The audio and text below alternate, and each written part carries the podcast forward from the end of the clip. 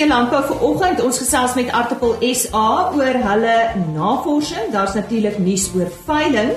Ons eerste bydra oor die Agbiz Grain Symposium wat verlede week plaasgevind het en môre is Wêreld Hondstolheid Dag en ons gesels oor hierdie siekte wat beide mens en dier ernstig kan affekteer.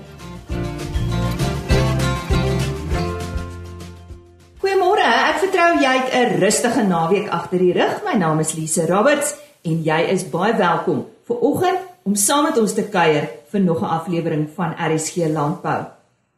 Ons uh, medewerker daar in die Vrystaat en KwaZulu-Natal, Isak Hofmeyer, hy's natuurlik ook redakteur van die Stadfarm tydskrif, het 'n uh, artikeldag bygewoon en daar met die hoof van navorsing vir artikel SA Dr. Fini Niederwieser gesels. Kom ons luister.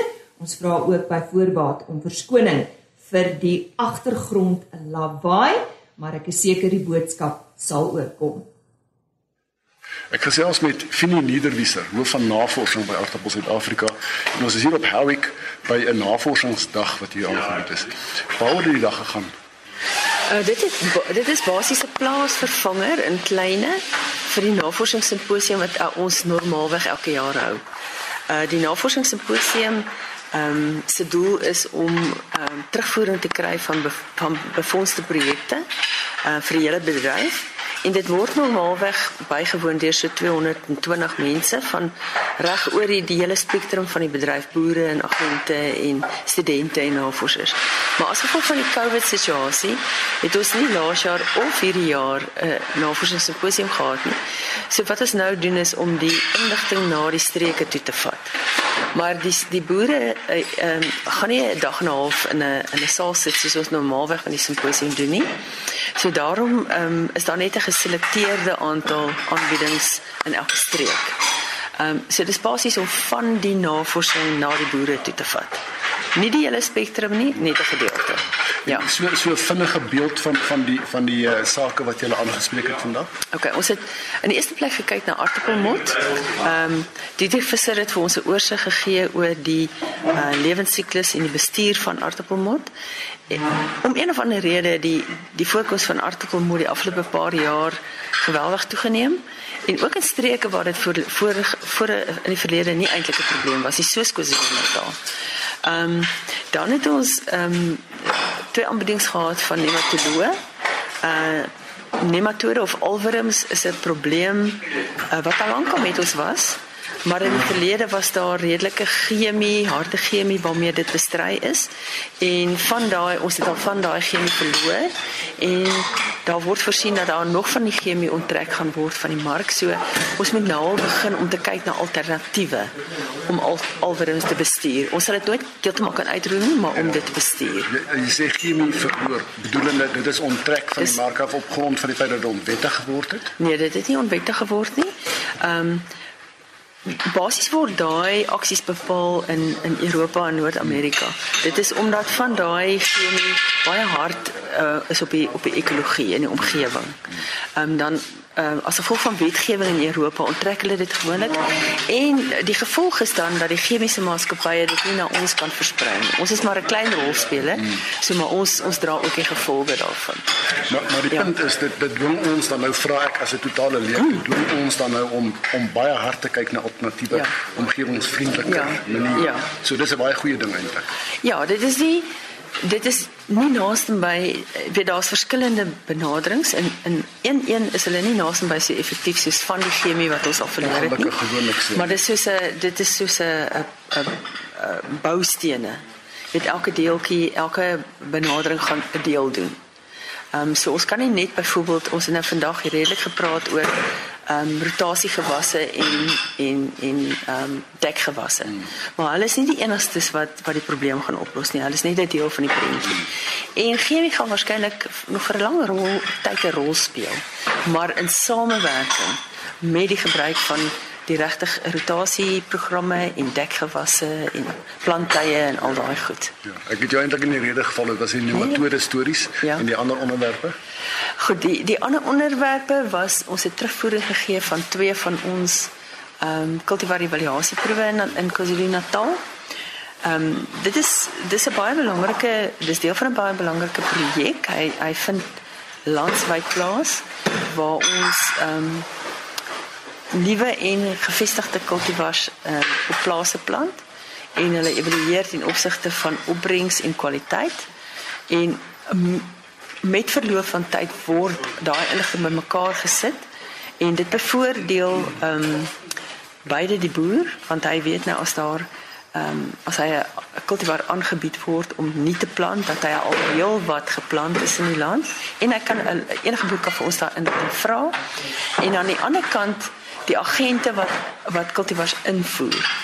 Ehm um, ons gee vir hulle op 'n platform waar hulle kultivars ehm um, op 'n objektiewe, onafhanklike wyse ge geëvalueer word om dit alles om dit geloofwaardigheid te gee. So hierdie was maar twee proewe. Daar's nog omtrent 11 proewe in die res van die land jou jou mening oor oor die ehm um, manier waarop hierdie inligting ontvang is hierso. My indruk was baie entoesiasties, baie krities, maar entoesiastiese ja. boere. Ja, ja. KwaZulu-Natal boere is krities. Hulle is baie reguit, maar hulle is baie entoesiasties, ja. Isak Hofmeyer wat met Dr. Fini Niederwieser gesels het, sy is hoof van navorsing by Articles SA we go. Had a 40,000 there, but a 42 and a 2 En nou nuus oor 'n paar veilinge wat nog hierdie week en vroeg volgende week plaasvind. Môre, die 28ste September, Gert Ninaber se Leeupoort Simmentalers produksieveiling. Ek het reeds uh, verlede week met hom hieroor gesels. Dit is by die plaas Renosterfontein in die Rustenburg area Noordwes en die aanbod is 40 bulle en 40 vroulike diere. Andrei Kok en seuns bied dit vir hulle aan. Dan op die 29ste September, die 22ste produksieveiling van Malherbe en Roberts en ek het ook donderdagoggend verlede week met RC Malherbe hieroor gesels. Dis by die Hertsgwil veilingskrale. Die aanbod is 45 bulle, 45 vroulike stoetdiere en 100 kommersiële vroulike diere en ek het ook genoem daar's beeste en skape. Dan op die 30ste September die Pothou Sussex en Blema Bakkan Sussex stoetse gesamentlike produksieveiling. Dis by die Tawa Lingwe Game Lodge in Vredefort in die Vrystaat. Daar is 20 geharde bulle en 50 vroulike diere op aanbod en vleisentraal Bloemfontein bied vir hulle hierdie veiling aan. Op die 1 Oktober die Mazel en Magaliesberg groep se 11de Bonsmara veiling. Dit is op Rustenburg daar Noordwes en Vleisentraal Ermelo bied vir hulle hierdie veiling aan. Volgende week Maandag het ons dan weer veilingsnuus. 55,000 there, but 60,000 now. At 60,000 now, make it a 70. Agbus Grain het vanaf 20 tot 23 September hulle jaarlikse simposium aangebied en uh, eh, RC Landbou was daar. Dit was uh, hoofsaaklik 'n aanlyn geleentheid, maar uh, na dag 1 het ek met die ondervoorsitter van Agbus Grain, Tom Mandjies gesels. Die tema van die eerste dag was die koste van graanberging na 20 21. Daar was verskeie sprekers en uh, hy gee vir ons 'n samevatting. Baie baie dankie. Ja, as die kostes, ons is in 'n kosteknyptang. Die ons opereer hoofsaaklik vanuit die platteland. En die platteland het sy uitdagings met baie van die munisipaliteite wat nie meer funksioneer nie, baie van die dienste wat ons as graanopbergers self moet begin verrig waar jy eintlik betaal vir 'n diens wat jy nie noodwendig kry nie en waar ons dan self moet dienste verrig. En dit dit geld deur 'n wye reeks van spektrums. Uh die goed wat ons vandag op die simposium aangehaal het was spesifiek die koste van versekerings, die koste van kapitaal uh of so te sê dan rentekoerse en dan natuurlik die koste van Eskom en die probleme wat dit die onmiddellike toekoms vir ons as graanopbergers gaan inhou nie in die in die sektor. En daar is definitief 'n klomp uitdagings. Ons weet Eskom se verhogings is in is is dubbelsyfers wat hulle voorstel. Spesifiek die die graan uh, of die klein plattelandse dorpies werk ons maar almal deur die munisipaliteite. Ons is nie direk met Eskom geskakel nie. So die funksionering van die munisipaliteite en die die die die die feit dat hulle nie noodwendig al hulle verpligtinge kan nakom nie, het 'n groot bedreiging vir ons sektor in. En dit is die uitdagings waarmee ons staan. Die versekering bedryf stel al meer vereistes aan ons om ons te verseker en omdat ons essensieel nodig is vir 'n vrye markstelsel om te kan opereer in die in Suid-Afrika, is dit vir ons baie belangrik dat ons kyk na die toekoms van hierdie hierdie hierdie dienste en hierdie hierdie kostes in ons want soos ons weet die die land is onder druk en jy kan nie noodwendig altyd al hierdie kostes deur deur stuur na die verbruiker toe nie. En hoe kan ons beter doen? Waar is die waar waar moet ons anders funksioneer en waar moet ons kyk hoe kan ons saam met ons vennote in die landbou 'n beter uitkoms daai kry? En ek dink die fokus vandag was die koste van kapitaal want baie van die investering wat ons moet doen in dienste wat nie meer verrig word nie is kapitaalintensief. As ons kyk na eie uh kragvoorsiening, het sy uh volhoubare kragvoorsiening met met sy is dit met son of wind of wat ener alternatiewe energiebronne wat daar is, is dit 'n uitdaging. Dit dit vat baie kapitaal. Daar's al meer vereistes wat ons van ons versekerings gestel word En dis hoekom ons die gesprek vandag gehad het en en met ander rolspelers in die bedryf en wat hulle siening daarvoor is. Tom, wat sê die finansiële sektor oor rentekoerse? Was eintlik insiggewend geweest dat die banksektor vir ons sê of die finansiële sektor dat ons hoef nie daar daar behoort nie baie groot rentekoerse verhogings in die onmiddellike toekoms te wees nie. Uh inflasie uh, teikens wat die wat die wat die regering vir hulself stel en die manier hoe hulle dit uh, dan op die einde van die dag uh, bestuur is deur rentekoerse en ons kan een rentekoers of 100 basispunt rentekoerse verwag in die komende jaar. So dit is verblydend dat daar nie groot verhogings is. Eskom kan ons sien uh dat daar gaan da, bly uitdagings so ons sal definitief moet kyk na na ons eie oplossing op die einde van die dag ten opsigte van kragvoorsiening. Uh of ons dit kan beter maak vir onsself. Uh load shedding uh en en die onderbrekings is is 'n groot uitdaging in ons sektor want ons moet 'n 24 uur diens of ten minste elke dag 'n diens kan lewer aan ons kliënte wat eider of hulle graan kom lewer by ons of hulle graan kom onttrek by ons dit is die die die die voedselketting waarna ons is en dit gaan aan elke mense met elke dag maar met elke dag eet. So ons groot uitdagings is en dan natuurlik die vereistes wat die versekerings stel. Elke dag die dienste meeste van die munisipaliteite het nie meer 'n brandweer nie maar dan is die vereistes wat die versekerings op ons stel in die bedryf dat ons moet moet sekere goed voldoen waarvoor ons dan 'n funksionele dienste afdeling van ons munisipaliteite nodig het en dan op die einde van die dag bestaan dit nie meer nie. So daar is baie uitdagings in in in daai kant en wat ons dan nou eintlik daai dienste self moet vervul of ons moet al ons risiko's op so 'n mate bestuur dat ons die versekeraar dan op die, in een van die dag kan kan gerusstel dat ons genoeg rismitigerende stappe het om op 'n einde van die dag die graan 'n uh, eh, 'n uh, eh, versekering daar te hê. Om die funksionering van die van die vrye mark daar te hou en te seker te maak dit werk uh moet ons ons graan verseker. Al die kopers, jy of ons die eienaar van die graan is of ons is die eienaar van die van die produk is nie ons versekerings want ons moet hom verseker op ons versekerings want die eienaar verwag van die siele opberger om vir hom elke keer dieselfde produk dieselfde kwaliteit te kan lewer. So ons dra 'n groot mate van voorraadversekering binne ons of ons nou die eienaar van daai versekering is of of van hy graan is of nie. En dit is dan baie belangrik dat ons altyd moet verseker bly. Dit is noodsaaklik vir die finansierders van graan dat ons seker is dat die goed dat dat dat hulle verseker is dat ons verseker is en die finansierders van die graan maak 'n essensiële deel uit van hierdie waardeketting van die graanverhandeling in Suid-Afrika en die funksionering van vrye handel. So in kort die die opbergingssektor ondersteun die vrye handel.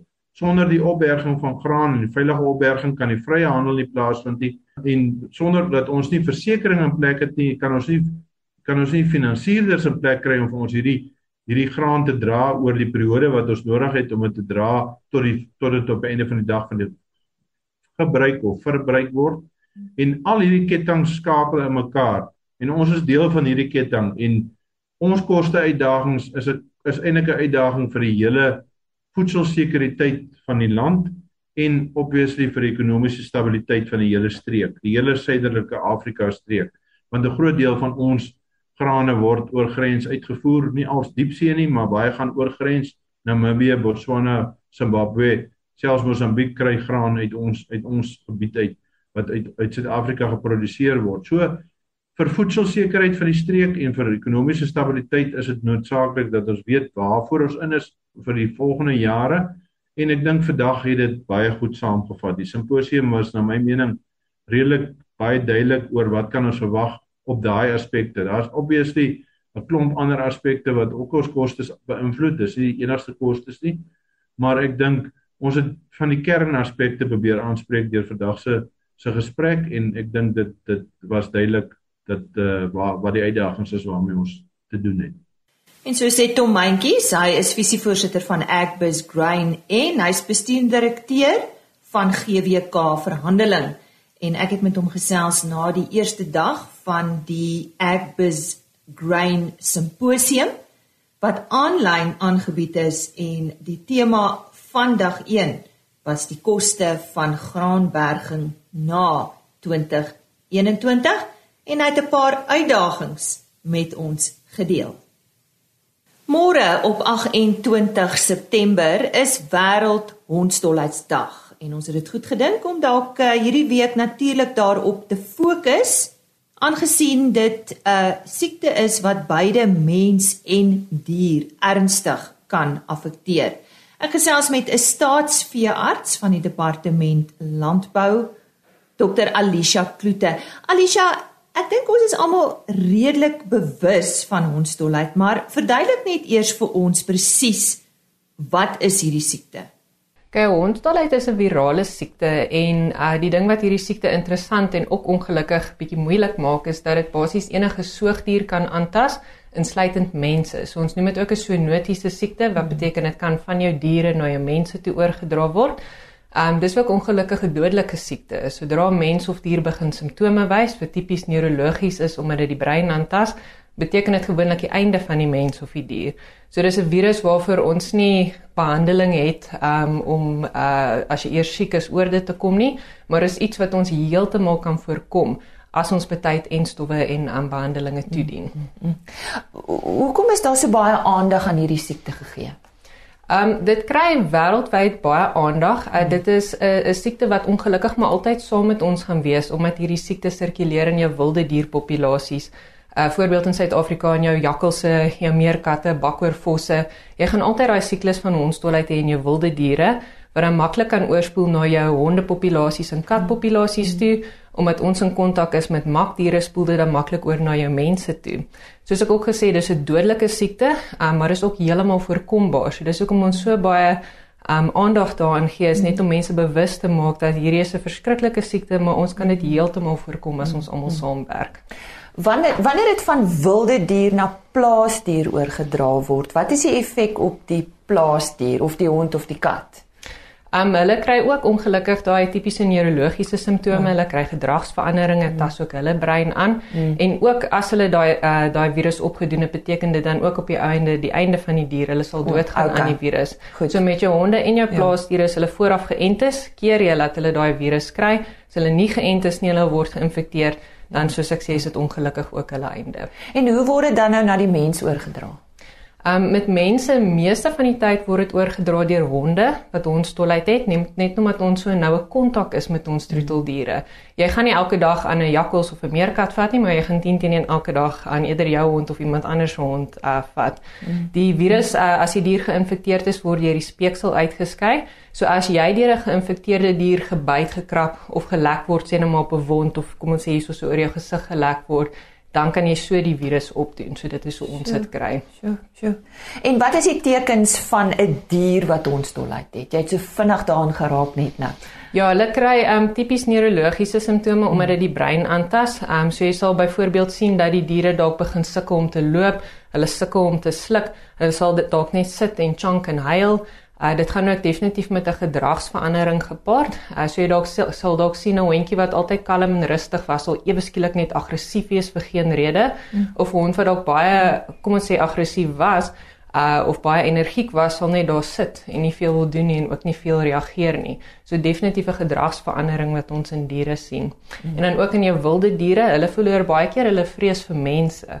So hulle sal dan eerder na mense toe aangestap kom Um jy kry daai dom vorm van hondstolheid waar hulle basies niks wil doen nie, hulle is onreaktief en jy kry ook 'n vorm waar jy wilde diere um na mense toe sal kom, maar hulle is aanvallend, hulle is aggressief. So weens abnormale gedrag is een van die groot kentekens van hierdie siekte. Het hondstolheid toegeneem die afgelope paar jaar? Uh ons het nou hierdie laaste jaar het ons nogal 'n piek in hondstolheid syfers gesien. Um maar as jy kyk om ons sê oor die laaste 10 jaar sien jy maar fluktuasies met die hoeveelheid gevalle wat ons se jaar aanmeld maar dis gewoonlik baie baie nou aan uh, hoe goed jou hondepopulasies geënt word. So sodra ons goed ent in die hondepopulasies, gaan die aantal gevalle af. Sodra mens bietjie laks word met jou enting, dan gaan die gevalle weer op. Mm. En dis ook maar uh, byvoorbeeld laas jaar as gevolg van die COVID-19 uh, beperkings was dit bietjie moeiliker vir veeartsenydienste om mense bymekaar te kry om honde te ent. En ons dink dit het ook bygedra tot die um, tot die uh die syfers wat op hierdie stadium bietjie hoër is as normaal. So julle sien dit maar as die hoofredes. Yes. Ja, sy. Is sekere dele in Suid-Afrika meer vatbaar daarvoor, Alicia? Definitief. Um hmm. oor die hele land moet jy maar besef daar's altyd 'n risiko vir hondstolheid. Um soos ek sê omdat ons sit in ons wilde dierpopulasie het, maar dan sien ons ook jou ek, ons noem dit die hondgedrewe hondstolheid. Hmm. Met ander woorde, dis waar die hondstolheid van hond na hond na hond oorgedra word En dit sien jy tipies in jou provinsies waar jy groot hondepopulasies het wat vry rondloop, um, jy weet, met mekaar noue kontak het. So dis tipies Limpopo, Mpumalanga, KwaZulu-Natal, Oos-Kaap en dan ook op die grens met Vrystaat en Lesotho sien ons tipies al hierdie gevalle in die hondepopulasies. Mm, mm, mm. Hoe kan dit voorkom en beheer word? Hier het ons nou, dis hoekom jy hier is vandag. ja, dis die dis die heel belangrikste ding ja. is ehm um, ja, ons wil mense moet bemagtig voel om jouself en jou diere te kan beskerm. So kom ons begin by diere, hoe jy hulle beskerm. Ehm um, volgens wet moet alle honde en katte in die land moet geënt word teen hondstolheid. So sodra 'n hondjie of katjie 3 maande oud is, kan hulle hulle eerste enting kry en dan enigiets van 1 tot 12 maande later moet hulle hulle tweede boostertjie kry. Nadat hulle daai oorspronklike twee entings gehad het, moet hulle volgens wet elke 3 jaar weer teen hondstolheid geënt word, maar ons stel sterk voor as jy 'n risiko is vir 'n hoë gevaar is vir hondstolheid of as hulle in kontak is met uh vreemde honde of met uh wild, dat jy wel maar elke jaar inent. As jou diertjies volkome ingeënt is, beskerm jy hulle en dis ook vir jou 'n buffer dat ehm um, die hondstolheid wat van ander honde afkom of van wildlewe af nie oorspoel na jou diere en sodoende na jou toe nie. Hmm. En dan vir mense, hoe om dit te voorkom? Belangrike ding om hier te onthou is as jy blootgestel is aan 'n dier met hondstolheid, sê net maar 'n hond of 'n meerkat het jou gebyt en die dier het abnormale gedrag getoon, is om daai wond baie baie goed te was met seep en water en onmiddellik na 'n mediese fasiliteit toe te gaan om behandeling te kry. Jy sal dan 'n reeks entings gegee word en as jy ook 'n oop wond het, sal hulle ook hondstolheid teenliggaampies in daai wond um, indien uh, en dis net om daai virus te bind sodat dit nie in jou senuweestelsel ingaan nie. Belangrike dierie uh, ding hierso is om onmiddellik hulp te kry. Jy kan nie wag vir 'n paar weke totdat jy simptome wys nie. Dis heeltemal te laat. So as jy onmiddellik reageer, jy gaan kry die nodige behandeling, dan is jy veilig. Mm. Wat van wat van ons plaaswerkers? Ons het ons ons het mense wat op plase is en hierdie mense is hulle goed is hulle bewus van die gevolge van so iets? Weet hulle waarvoor om uit te kyk? Ek dink ongelukkig nie genoeg mense mm. weet wat hulle moet weet nie. Mm. Dit kom weens daarop neer kennis is mag. En dis ook hoekom ons altyd bly as ons onderhoude soos hierdie kan hê, is net om meer en meer mense bewus te maak van wat hondstolheid is en meer belangrik net wat doen jy as jy daarmee gekonfronteer is. Want sodra mense weet, okay, as 'n dier wat vreemde gedrag getoon het my gebyt het, ek moet onmiddellik hulp kry. Dit red 'n lewe as jy daardie woord versprei. So ek moedig ook julle luisteraars aan, praat met jou familie, praat met jou vriende, praat met jou werkers, enigiemand wat met diere in kontak is om hierdie letterlik hmm. lewensreddende advies met hulle te deel. Alicia baie dankie. Baie dankie vir lekker om so, te wees. Kennis is mag, so weet waaroor ons dolheid gaan en uh, kyk mooi na jouself en na jou diere.